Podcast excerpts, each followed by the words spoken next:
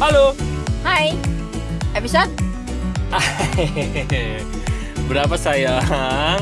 179 ya. Oke deh, saya percaya kamu aja lah. Ah, Biar cepet. saya juga rada lupa tapi kayaknya benar. Bener sih. Jadi kita cuma bertahan berapa episode tuh yang nggak pakai bingung. Oh, pernah ya? Kemarin berapa kali kan yakin ini ini ternyata cuma bertahan dua episode kayak habis itu lupa lagi. Ya Hmm. sudahlah, berarti memang begitu kita. Ya, Yuk, kita mau bahas apa? kita mau bahas tentang happiness. Aduh, berat ya. Enggak ya. Oh, enggak. Hmm, Hmm. Gua tuh kalau ngomongin sih. gua ya, Bahagia itu berat. Berarti kamu bawah sadarnya menganggap bahagia itu berat. karena gue merasa gini ya, gue pribadi ya. Gue pribadi itu menjadi bahagia. Untuk benar-benar gini-gini. Gue perlu samain dulu definisi bahagia. Karena gini, banyak orang merasa bahagia, ternyata itu bukan bahagia tapi senang. Bedanya senang dan Bedanya bahagia. kalau bahagia itu sukacita yang timbul dari dalam diri kita. Berarti sebenarnya itu joy. Internal. Ya, Joy ya. joy and happiness.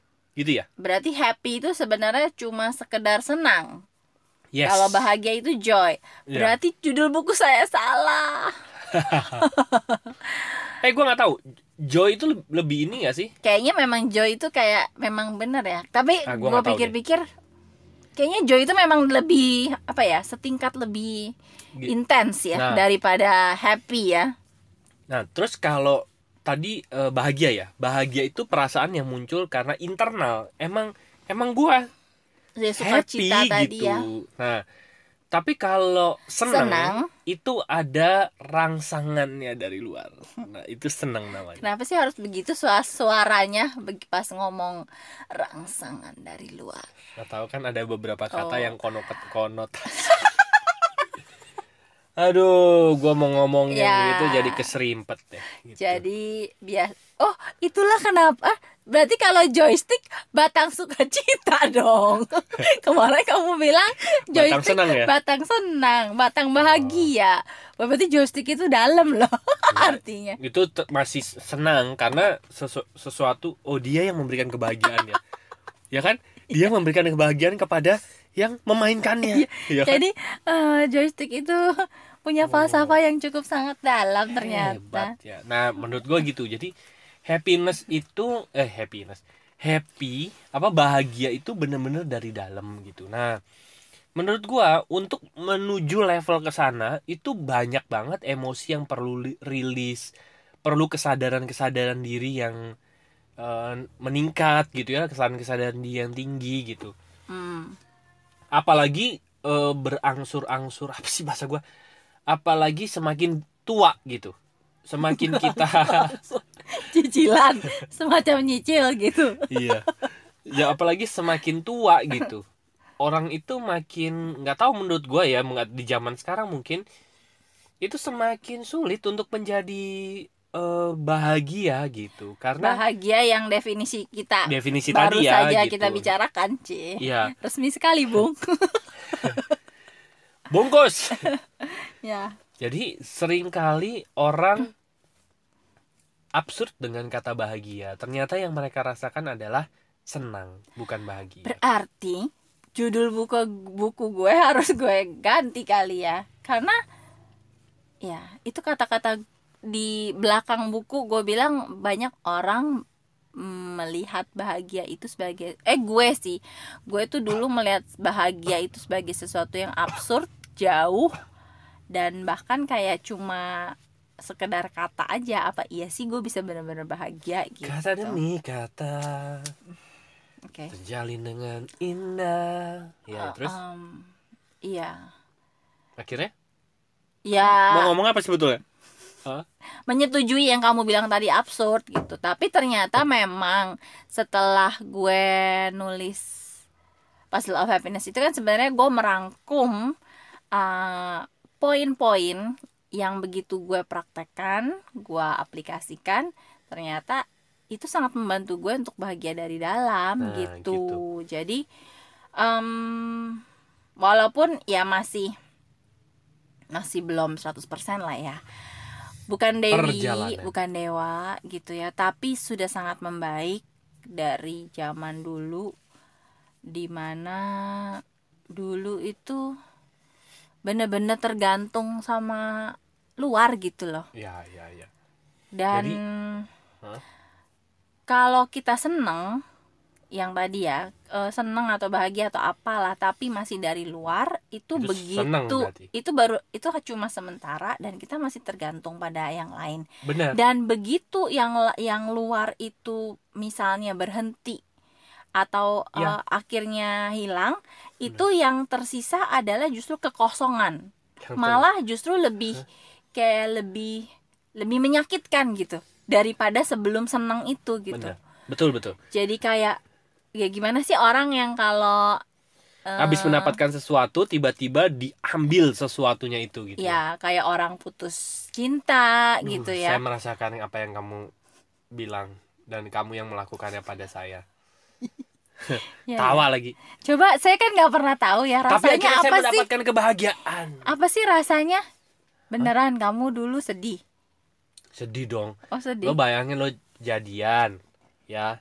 Lo mutusin cewek jadian sama cewek ya kan? Terus terulang lagi peristiwa yang sama gitu Jadi ya. kamu terus sedih. diputusin lagi gitu. Jadi kamu sedihnya karena saya putusin atau karena karena Kamu- udah mutusin orang lain. Iya. gitu. Enggak karena kamu putusin. Oh. Karena kalau satu kali gue melakukan itu mungkin gue bodoh. Tapi kalau dua kali gue bener-bener bodoh memang Dulu. gitu. Gue bener-bener meng- gue tuh bener-bener nggak berdaya sama Rusi gitu kalau dia minta balikan gitu. Kesal, iya gue yang minta balikan ya. Gila gue penghancur hubungan orang banget iya sih? makanya kalau mungkin ya mungkin loh ini ya kalau gue nikah gitu ya sama orang lain terus dia minta balikan gue rasa sih hancur.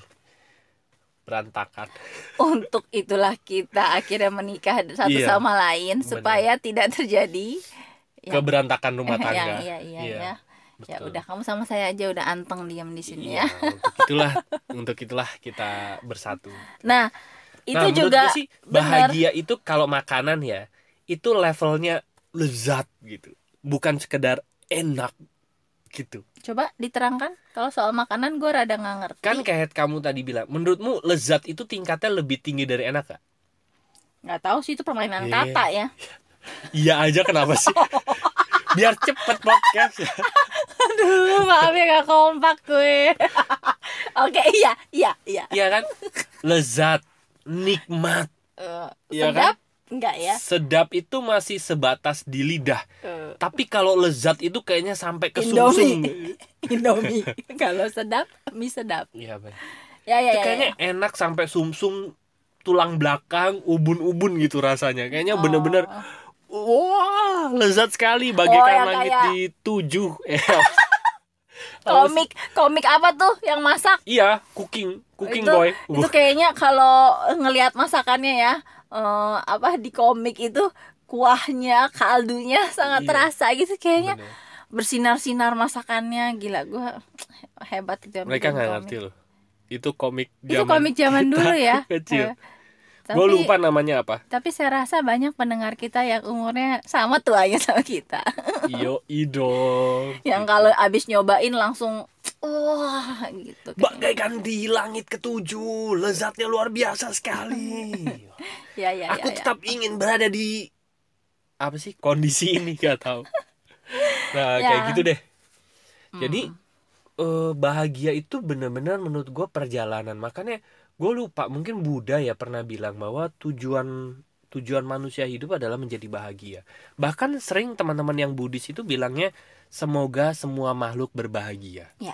itu sampai dijadiin slogan. Apa sih namanya? Slogan atau sebutan atau ya. yang sering diulang kalau doa lah. Doa. Semoga semua makhluk berbahagia. Mungkin sa- saking saking Dan- perjalanannya kita perlu menus- menelusuri.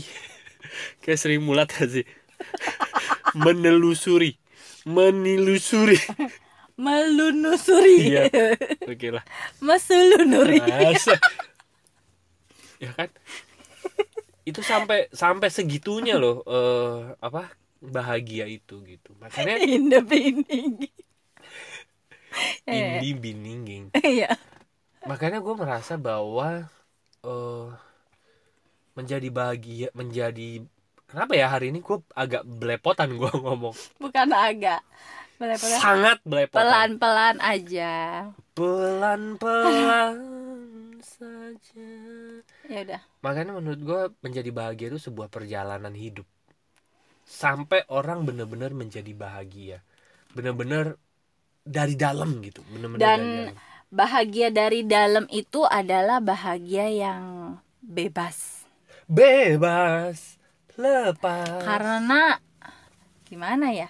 Kalau gue kalau gue sih nggak ngalamin, gue kayaknya belum bebas-bebas amat gitu. belum lah Karena- kamu terikat sama saya Iya. dan gue juga begitu Gue masih sangat melekat sama Ari, sama anak-anak, sama orang-orang ya Betul. yang gue sayang gitu, sama duit sama duit. soalnya nikmat sekali apa yang Karena- diberikan Em, kayaknya kalau salah satu nggak ada itu kebahagiaan gue masih sangat terpengaruh gitu Iya. kan dan sebenarnya itu kan bisa dibilang belum bebas nggak belum kayak orang-orang tercerahkan yang ya udah eh, apa Ya, hidupnya lepas ya. hidupnya ya udah lepas gitu setuju, apa pun yang terjadi mereka di dalamnya udah begitu gitu kalau gue kan belum Benar. jelas Nah. dan tapi gue membayangkan iya ya bahagia yang dari dalam itu bahagia yang amat sangat bebas gitu betul karena kita tidak terikat lagi sama eh, ya orang sama Betul. uang sama apa ya sama segala sama sesuatu yang di luar lah gitu iya ya. sama keadaan dan lain-lain. Makanya gue gini ya gue mencermati gue aja lah ya perjalanan gue gitu untuk menjadi bahagia. Gue sendiri masih belum eh apa ya belum eh, bukan belum layak belum bisa fasih kalau misalnya gue bilang gue udah bahagia gitu. Menurut gue gue masih banyak seneng gitu nah Em, gue menyadari eh, perjalanan hidup gue untuk menjadi bahagia itu melalui proses-proses yang em, apa ya banyak kemelekatan yang akhirnya lepas gitu. Mm, dan itu eh, dan untungnya ya kemelekatan gue sih bukan kelem- kemelekatan yang kayak cinta terlarang gitu bukan juga gitu. Itu sakit loh nah itu juga yang ada di kepala gue barusan biasa ya sambil Ari ngomong gue tuh sambil mikir abis Ari ngomong gue kayaknya pengen ngomong ini gitu karena Iya. sambil dia ngomong itu gue kepikiran kita sih emang iya ya melekatnya memang masih sama orang-orang yang kayaknya wajar lah wajar gitu iya I- itu aja sebenarnya kalau dalam perjalanan spiritual ada titik yang lebih eh, wah Heeh. gitu kan nah Mm-mm. tapi itu sebenarnya nggak salah gitu kan cuma Iya. i- itu aja masih melekat nah Benar. gimana dengan orang yang bahagianya itu masih bukan cuma nggak bebas karena tergantung pihak luar tapi iya dari segi em, norma-norma sosial ya gitu norma-norma benar-benar. sosial itu merupakan sesuatu yang tadi kata Ari bilang iya eh, nggak tabu Iya, dan nggak seharusnya iya. menyakiti orang lain. Ada orang-orang yang dirugikan Iya. karena itu. Nah, itu kan lebih sakit lagi ya. bener Kita bahagia itu bukan bahagia lagi ya. betul Terus menurut gue sih masih senang Oke, gitu karena kita senang terikat betul itu itu aja udah udah nggak bebas. Benar. Ditambah nggak bebasnya lagi karena apa yang eh, membuat kita senang itu ternyata menyakiti orang lain. bener Nah, itu gimana? cinta ini sungguh tak wajar ya kan gitu kan Gitu ya. itu menurut gue sih eh, perjalanan ke dalam untuk melepas kemelekatan ini mantep loh menurut gue gini ya waktu di podcast kapan gue lupa semua manusia menganggap masalahnya berat Iya. betul kan Benar. Gitu ya. Curhat. Iya, Di ya kan? episode tentang curhat, curhat. gitu. Nah, untuk itu menurut gue, eh gue dulu menganggap masalah gue juga masalah yang paling berat di dunia gitu. Tapi ujung-ujungnya menurut gue level untuk melepasnya akan sama gitu. Perjalanan untuk melepasnya juga akan sama. Contoh, orang yang sangat melekat sama duit aja deh. Ya jangan yang terlarang-terlarang Oke, tadi ya. oke, yang masih wajar aja ya. Iya, gue ngelihat orang yang punya hutang satu juta sama orang yang punya hutang 10 miliar bebannya sama loh beban psikologisnya benar. Karena rekening psikologis mereka juga berbeda gitu. Mm-mm. ada orang yang utang satu juta itu kayaknya gila gue satu juta mau dibayar dari mana ya? gitu. Tapi orang yang utang 10 miliar juga mikir hal yang sama. 10 miliar gue gue mau bayar dari mana ya? gitu. kabar baiknya untuk yang utang satu juta adalah dia kayaknya nggak bakal punya utang 10 miliar. Iya kan? Kenapa? Karena menurut gue sih gini ya tetap setiap kemelekatan pasti ada paket untuk melepas gitu. Pasti ada. Hmm. kan setiap masalah ada paket sama solusinya gitu kan. Jadi Nah, solusinya melekat adalah melepas. Memang benar ya. melepas. Nah gue masih inget dulu Gobin ya Gobin Fast Dev dan itu menurut gue bagus banget. Apa eh, yang dia lakukan. Gobin bilang gini alih-alih gitu ya kenapa sih kita nggak pernah pada saat kita masuk ke tahun baru kita kan buat resolusi itu ya kan? Nah bentar lagi tahun baru juga nih dua bulan lagi tahun Ya, baru nih 2020 ya kan? Nah Mm-mm. kenapa setiap orang begitu masuk tahun baru resolusinya tuh relu- resolusi untuk mendapatkan semua? Mm-mm. saya ingin rumah baru saya ingin keluarga yang ah semuanya serba mendapatkan lah gitu. Kenapa orang tidak pernah buat resolusi melepas padahal ujung akhir kehidupan kita itu semuanya melepas. Kenapa kita nggak dilatih dari sekarang gitu progres kita untuk melepas? Dan yang menurut gua menarik adalah Gobin ngajarin melepas dari hal-hal kecil. Mm. pertama melepas gula. Aja susah. ya kan? Atau melepas garam deh gitu. Mm. melepas apa nasi apa apa pun itu gorengan gitu melepas makan daging misalnya jadi vegetarian itu juga melepas loh gitu Tidak. Saya masih susah. yang paling susah adalah melepas tanggung jawab Paling gampang. itu paling susah apa paling gampang ya Saya masih sebatas melepas baju dan celana aja lah. Kalau mau mandi. oh pinter sekali kamu saya tidak kepikiran loh itu gitu Ya kan? ya Iya. Karena melepas tanggung jawab istri dan anak supaya mertua yang membiayai. Ya enak loh Eh, itu. itu bad idea ya. iya.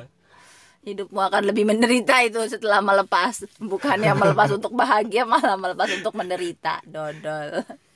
Ya hmm, gitu. Jadi menurut gua sih setiap orang akan merasa perjalanan melepasnya adalah perjalanan yang paling sulit di dunia ini gitu. Tapi menurut gue kalau lu sampai mendapatkan kemelekatan itu berarti sebenarnya lo sanggup untuk melepas kemelekatan itu. Karena tidak semua orang menempuh jalur itu gitu kan? Dan sebenarnya gini hmm, nggak tahu ya ini termasuk pilih-pilih atau enggak tapi menurut gue ada oke kemelekatan yang eh, tanda kutip tidak urgent untuk dilatih walaupun sebenarnya enggak juga ya. Maksudnya gini kalau yang segala sesuatunya benar kayak orang tua sama anak oke sih melepas ya. Melepas karena dia nggak boleh juga terlalu melekat karena nantinya ya akan menyakiti anaknya menyakiti Ya. dirinya juga ya Betul, kan? betul, kalau orang tua betul. terlalu protektif terlalu melekat itu juga nggak bagus. Sama pasangan juga sama. Betul. Tapi ada kasus-kasus yang eh, melepasnya itu jadi sesuatu yang sangat urgent gitu. Kenapa? Karena yang tadi, karena yang tadi yang terlarang-terlarang itu, karena itu menurut gue gini, kalau orang kalau kayak gue, gue melekat sama anak-anak, gue melekat sama Ari, oke lah mungkin itu wajar, tapi Ah, eh sebenarnya di satu sisi eh, itu membuat gue eh, ya memang peran gue di hidup ini gue jadi istri jadi ibu, ibu gitu ya. ya, ya. Eh, gimana ngomongnya ya? Tapi kalau yang terlarang-terlarang itu kan eh, itu tuh makan diri sendirinya jauh lebih banyak. Gua ambil contoh. Kemelekatan yang terlarang. Narkoba. Iya jadi orang yang melekatnya itu eh, bukan Sesuatu cuma nggak iya. boleh melekat secara spiritual itu kan Betul. itu kan level nanti. Tapi bahkan dengan yang sekarang pun dia itu terluka tersakiti ma- dimakan sama kemelekatannya. Nah That's jadi right. harus cepet dilepas, dilepas, gitu. gitu. karena bukan sesuatu yang sehat benar walaupun nggak sehatnya itu ada levelnya gitu kan Betul. nah itu tuh yang nggak sehat dalam uh, tingkat yang menurut gue urgent tadi Benar. gitu Jadi ada ada beberapa kemelekatan yang secara norma-norma hukum ke sebagai warga negara gitu ya, terus norma-norma sosial itu memang eh, terlarang lah ya, ba- tabu dan gitu bahkan dan kalau itu nggak layak lah untuk dilekati gitu dan ya. kalau narkoba kan juga makan diri Narkoba, sendiri orang nah. bisa meninggal orang bisa sakit gitu Betul. kan Gitu. Nah, eh, itu benar kata Rusi. Jadi menurut gua ada sisi kemelekatan yang eh, penting dan mendesak yang perlu kita segera lepaskan. untuk kebaikan dan kedamaian Benar. diri sendiri Contoh lagi, orang diabetes dia perlu melepas gula. Gula. Itu kan penting dan mendesak. Tapi gampang nggak membuat orang diabetes jaga makan? Nggak gampang gitu.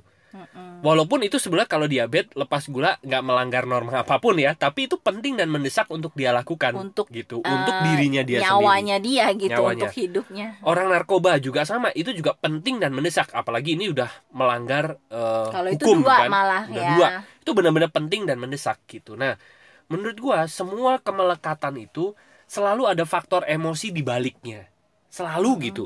nggak cuman sekedar oh gua makan narkoba berarti gua harus melepaskan kemelekatan gua sama barang ini gini, sama narkobanya gitu ya. Orang banyak pakai narkoba itu selalu ada faktor emosi di baliknya. Oke. Jadi kalau kita udah ngobrol gitu ya, eh, coba deh lo lihat, lo lo lihat, lo dengerin podcast podcast kita yang lama, itu sebetulnya hipnoterapi sangat membantu gitu untuk lo bisa merilis emosi-emosi yang eh, dibalik kelekatan itu gitu. Kenapa Mm-mm. sih gue melekat misalnya sama narkoba? Kok gue kayaknya melekat banget sama eh, gula misalnya atau makanan ini? Ada orang yang apa tuh emotional eating ya ya kan emotional eating bukan emosionalnya mungkin ternyata di balik dia emotional eating dia pernah dilukai perasaannya sama seorang cowok seorang cewek akhirnya dia makan untuk menutupi emosinya Rasa ya rasa sedihnya rasa kecewanya gitu ya nah selalu ada faktor emosi di balik perilaku kita itu kabar baik Yes. kabar baiknya sebetulnya aduh ya Cuman kabar buruknya sebetulnya bukan kabar buruk sih gitu ya. Astaga naga. Ada apa dengan hari? gila Cuman kabar buruknya adalah kebanyakan orang itu sulit untuk menemukan faktor emosi di balik perilakunya. Kenapa sih gue begini gitu? Nah sebetulnya eh, kalau lo eh, ke hipnoterapis yang handal lo akan dibantu untuk menemukan faktor emosi di balik itu. Atau kalau lo nanti lama-lama fasi sendiri, lo akan mengenali kok emosi-emosi di balik itu. Kenapa sih gue kecanduan sama hal ini gitu? sebenarnya paling gampang nariknya ya hmm, apa pun yang membuat kita melekat itu pada dasarnya adalah karena kita punya kekosongan Oh my god. Hmm. karena kita punya kekosongan kita butuh Iya. sesuatu untuk mengisi Ngisi. kekosongan itu dan Iya. begitu ada sesuatu yang bisa mengisi maka kita akan eh, tanda kutip kecanduan kan karena Iya. merasa oh, oke yang selama ini kosong terisi dan akhirnya timbullah perasaan melekat Yes. Nah, itulah kenapa kita bahas di awal tadi bahagia dari dalam karena Iya. sebenarnya orang-orang yang sudah bahagia dari dalam dia tuh sudah mengisi kekosongannya sendiri gitu. yes. Dan orang yang bahagia itu biasanya penuh, penuh dari dalam. Nah, ketika orang udah penuh jadi kayak Iya. sama hal-hal di luar lain itu kelekatannya jadi lebih ya Iya. lebih renggang gitu, lebih lepas. Kenapa Benar. harus melekat sama ini kalau gua sudah eh, penuh gitu kan? Bener. Tapi Jadi- bukan jadi sombong ya. Bukan, Beda, bukan, beda. bukan sombong. Iya. Nah, jadi in- salah satu yang membantu untuk misalnya nge-review kenapa sih gue melekat sama ini, melekat sama ini. Coba deh pertama review dulu ada kekosongan apa sih di diri kita gitu. Oke lagu. Biasanya Pertama ku rasakan kayak getaran lagu sih. Apanya? yang kerap. Ya, ya, lanjut. Iya itu.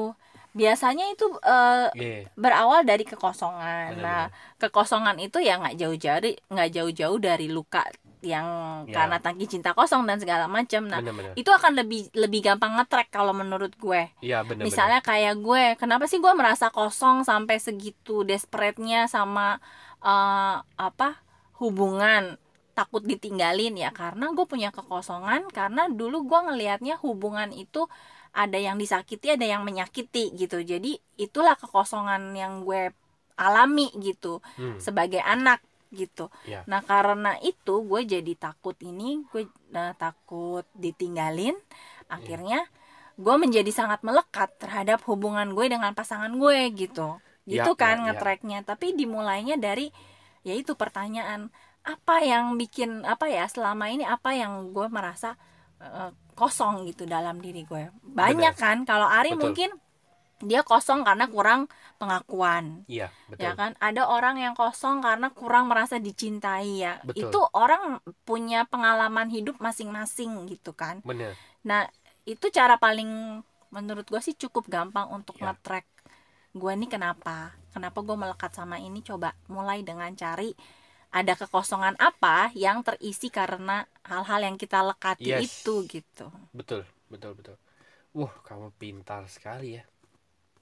Saya Hmm. kagum loh dengan kamu. Oh ya? Betul-betul biasa di luar. Iya luar kan biasa. kamu yang minta. Gimana gimana? Nggak, coba nggak, coba maksudnya gimana tuh ya? Enggak gue cenderung eh, berpikir sih. Enggak. tapi gue setuju banget sama yang Rusi bilang gitu. Sering kali juga ya yang agak sulit adalah kita masih cenderung malu-malu untuk mengakui kekosongan kita. Karena pada saat kita ngetrek ke dalam gitu ya dan kita ngerasa bahwa oh ternyata gue kosongnya tuh di sini ya gitu. Kayaknya merasa bahwa gila gue lemah banget ya. Gue bisa ya bisa sekosong itu karena hal ini gitu. Kayaknya hal yang kayaknya eh, Remeh. enggak banget. Iya gitu. Nah tapi harus diakui gini lo jangan lihat lo sekarang. Jangan gue merasa bahwa gue nggak boleh lihat dengan pengetahuan gue sekarang. Pengetahuan gue yang sekarang pasti berbeda sama yang dulu waktu kekosongan itu terjadi. Ya mm-mm. gue ngelihat bahwa oh ternyata gue bisa kosong di sisi ini karena dulu gue masih sangat muda gitu Ya. masih Roma Irama banget. Tet. Eh bukan ya. Itu Judi ya.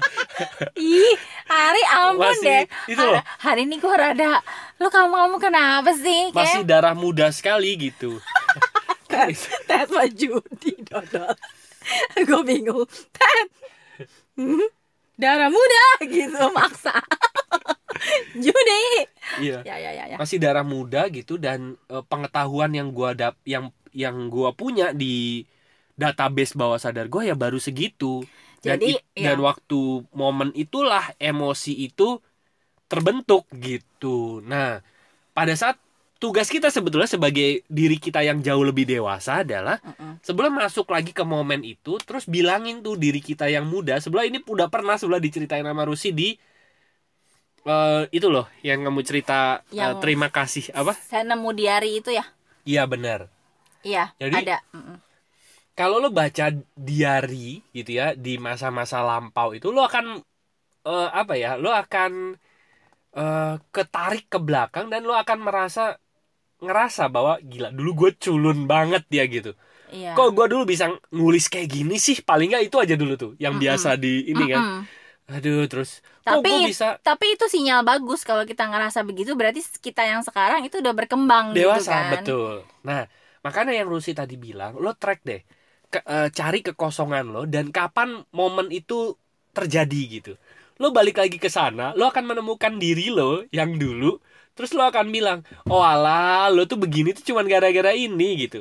Bahkan nanti yang muncul bukan sekedar perasaan eh, bukan perasaan malu malah lo akan memaklumi gitu. Ya oke lah dulu kita masih muda dulu kita pernah muda kalau kata BCL ya dan ya benar. Ya sudah lo dulu mengambil keputusan ini gitu ya ya udah sekarang ya udah yuk gue kasih lo pengetahuan baru ini pengetahuan barunya gitu. Iya. nah biasanya itu akan terjadi banyak eh, apa ya eh, kekosongan yang akhirnya mulai terisi gitu. Ya. karena lo mendapatkan sudut pandang yang baru gitu. Dan gini juga salah satu kenapa yang eh, orang susah melepas kelekatan itu lebih lebih dari eh, niat sama keputusannya dia. Iya betul betul. Kenapa itu susah? Karena eh, terisi oleh orang lain itu rasanya enak, Iya iya. menyenangkan. Terisi entah oleh orang lain, Atau sesuatu entah luar ya. sesuatu gitu Iya. ya, misalnya dengan materi, dengan apa ya kan macem-macem gitu. Iya. Terisi tangki cintanya itu sesuatu yang sangat nyaman buat kita. That's right. Dan ke- tapi ketika ketika kita menyadari bahwa itu sebenarnya berasal dari kekosongan kita dan Benar. itu sebenarnya terisinya dalam tanda kutip eh, semu ya. Iya. Karena eh, ya yang mengisi itu bisa sewaktu-waktu Hilang. hilang Ya. atau Pergi. yang yang Ya. mengisi itu bukan sesuatu yang sebenarnya betul-betul baik untuk kita gitu. Iya. Nah, ketika kita eh, apa ya berpikir untuk eh, melepas, kita akan punya ketakutan bahwa apakah gue akan merasakan perasaan nyaman ini lagi gitu. Betul betul. Karena gue udah terlanjur seneng nih dengan begini begini begini, tapi gue tahu itu nggak sehat. Kat- eh, tapi kalau gue lepas, gimana caranya gue bisa nyaman begini lagi? Gue takut sakit lagi gitu kan. Iya. Nah, betul. eh, itu sebenarnya juga yang bikin kenapa orang akhirnya banyak yang tam- tanpa nggak Disadari. tahu tanpa disadari atau eh, apa ya eh, sangat lemah gitu untuk memutuskan untuk melepas gitu. Benar. Jadi nggak apa-apa lah, gue yang penting dan itu ya itu kuatnya tangki cinta kita gitu. Iya. Saking itu pentingnya sampai kita tuh mengesampingkan hal-hal lain gitu Betul. Jadi ingat aduh tuh nggak apa-apa deh gue yang lainnya eh, kemakan dalam tanda kutip yang penting gue merasa tangki cinta gue penuh gitu Betul. terisi nah Yes. itu kan sebenarnya eh, kenapa yang tadi gue bilang bahagia lebih bebas karena kalau kayak gitu kita mungkin bahagia tapi sebenarnya kita sedang mengikat diri sendiri gitu Iya, betul. Untuk dan ke kemelekatan yang jauh lebih parah ya. ya Benar. dan tadi sebenarnya ketakutan itu sebenarnya bisa sedikit banyak uh, terjawab Iya. uh, oleh apa yang tadi Ari cerita bahwa sebenarnya ketika kita balik ke yang tadi ya balik ke masa lalu saat kekosongan itu terjadi kita terima kita bahkan bisa ngerangkul diri kita yang dulu ya yang terluka tersakiti Iya. gitu kan itu sebenarnya jadi satu jaminan bahwa sebenarnya kita tuh bisa menyembuhkan dan mengisi kekosongan sendiri gitu Iya, iya, iya. dan kadang-kadang mungkin kayak gue sendiri juga dulu susah percayanya masa sih Iya.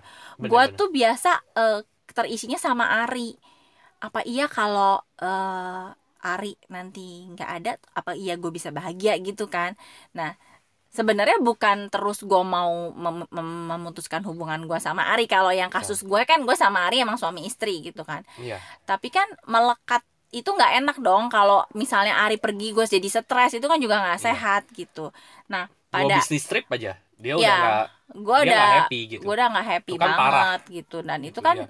Makan diri gue juga gitu kan betul. apalagi kalau ini sesuatu yang benar-benar urgent tadi gitu itu kan makannya pasti lebih banyak lebih iya. menggerogoti diri kitanya betul. lebih lebih banyak gitu Benar-benar benar. makanya kita harus cepet-cepet ya, Rilis. rilis untuk kebaikan diri sendiri Betul. dan yakin gitu bahwa memang setelah kita penuh dari dalam itu segala sesuatu kelekatan yang di luar itu akan kayak gimana ya kebutuhannya itu akan tidak se seperti pada saat kosong gitu loh Oh. kayak misalnya lu lagi lapar ditawarin makan itu kan pasti kayak wah mau mau mau gua ini gua lagi lapar banget gitu Iya. tapi begitu kenyang ditawarin makan lagi kadang-kadang malah aduh gua malah enek udah udah kekenyangan gitu nah jadi yakin gitu bahwa eh, apa ya kita itu layak untuk Bener. untuk untuk bahagia Betul. untuk penuh dari dalam Bener. dan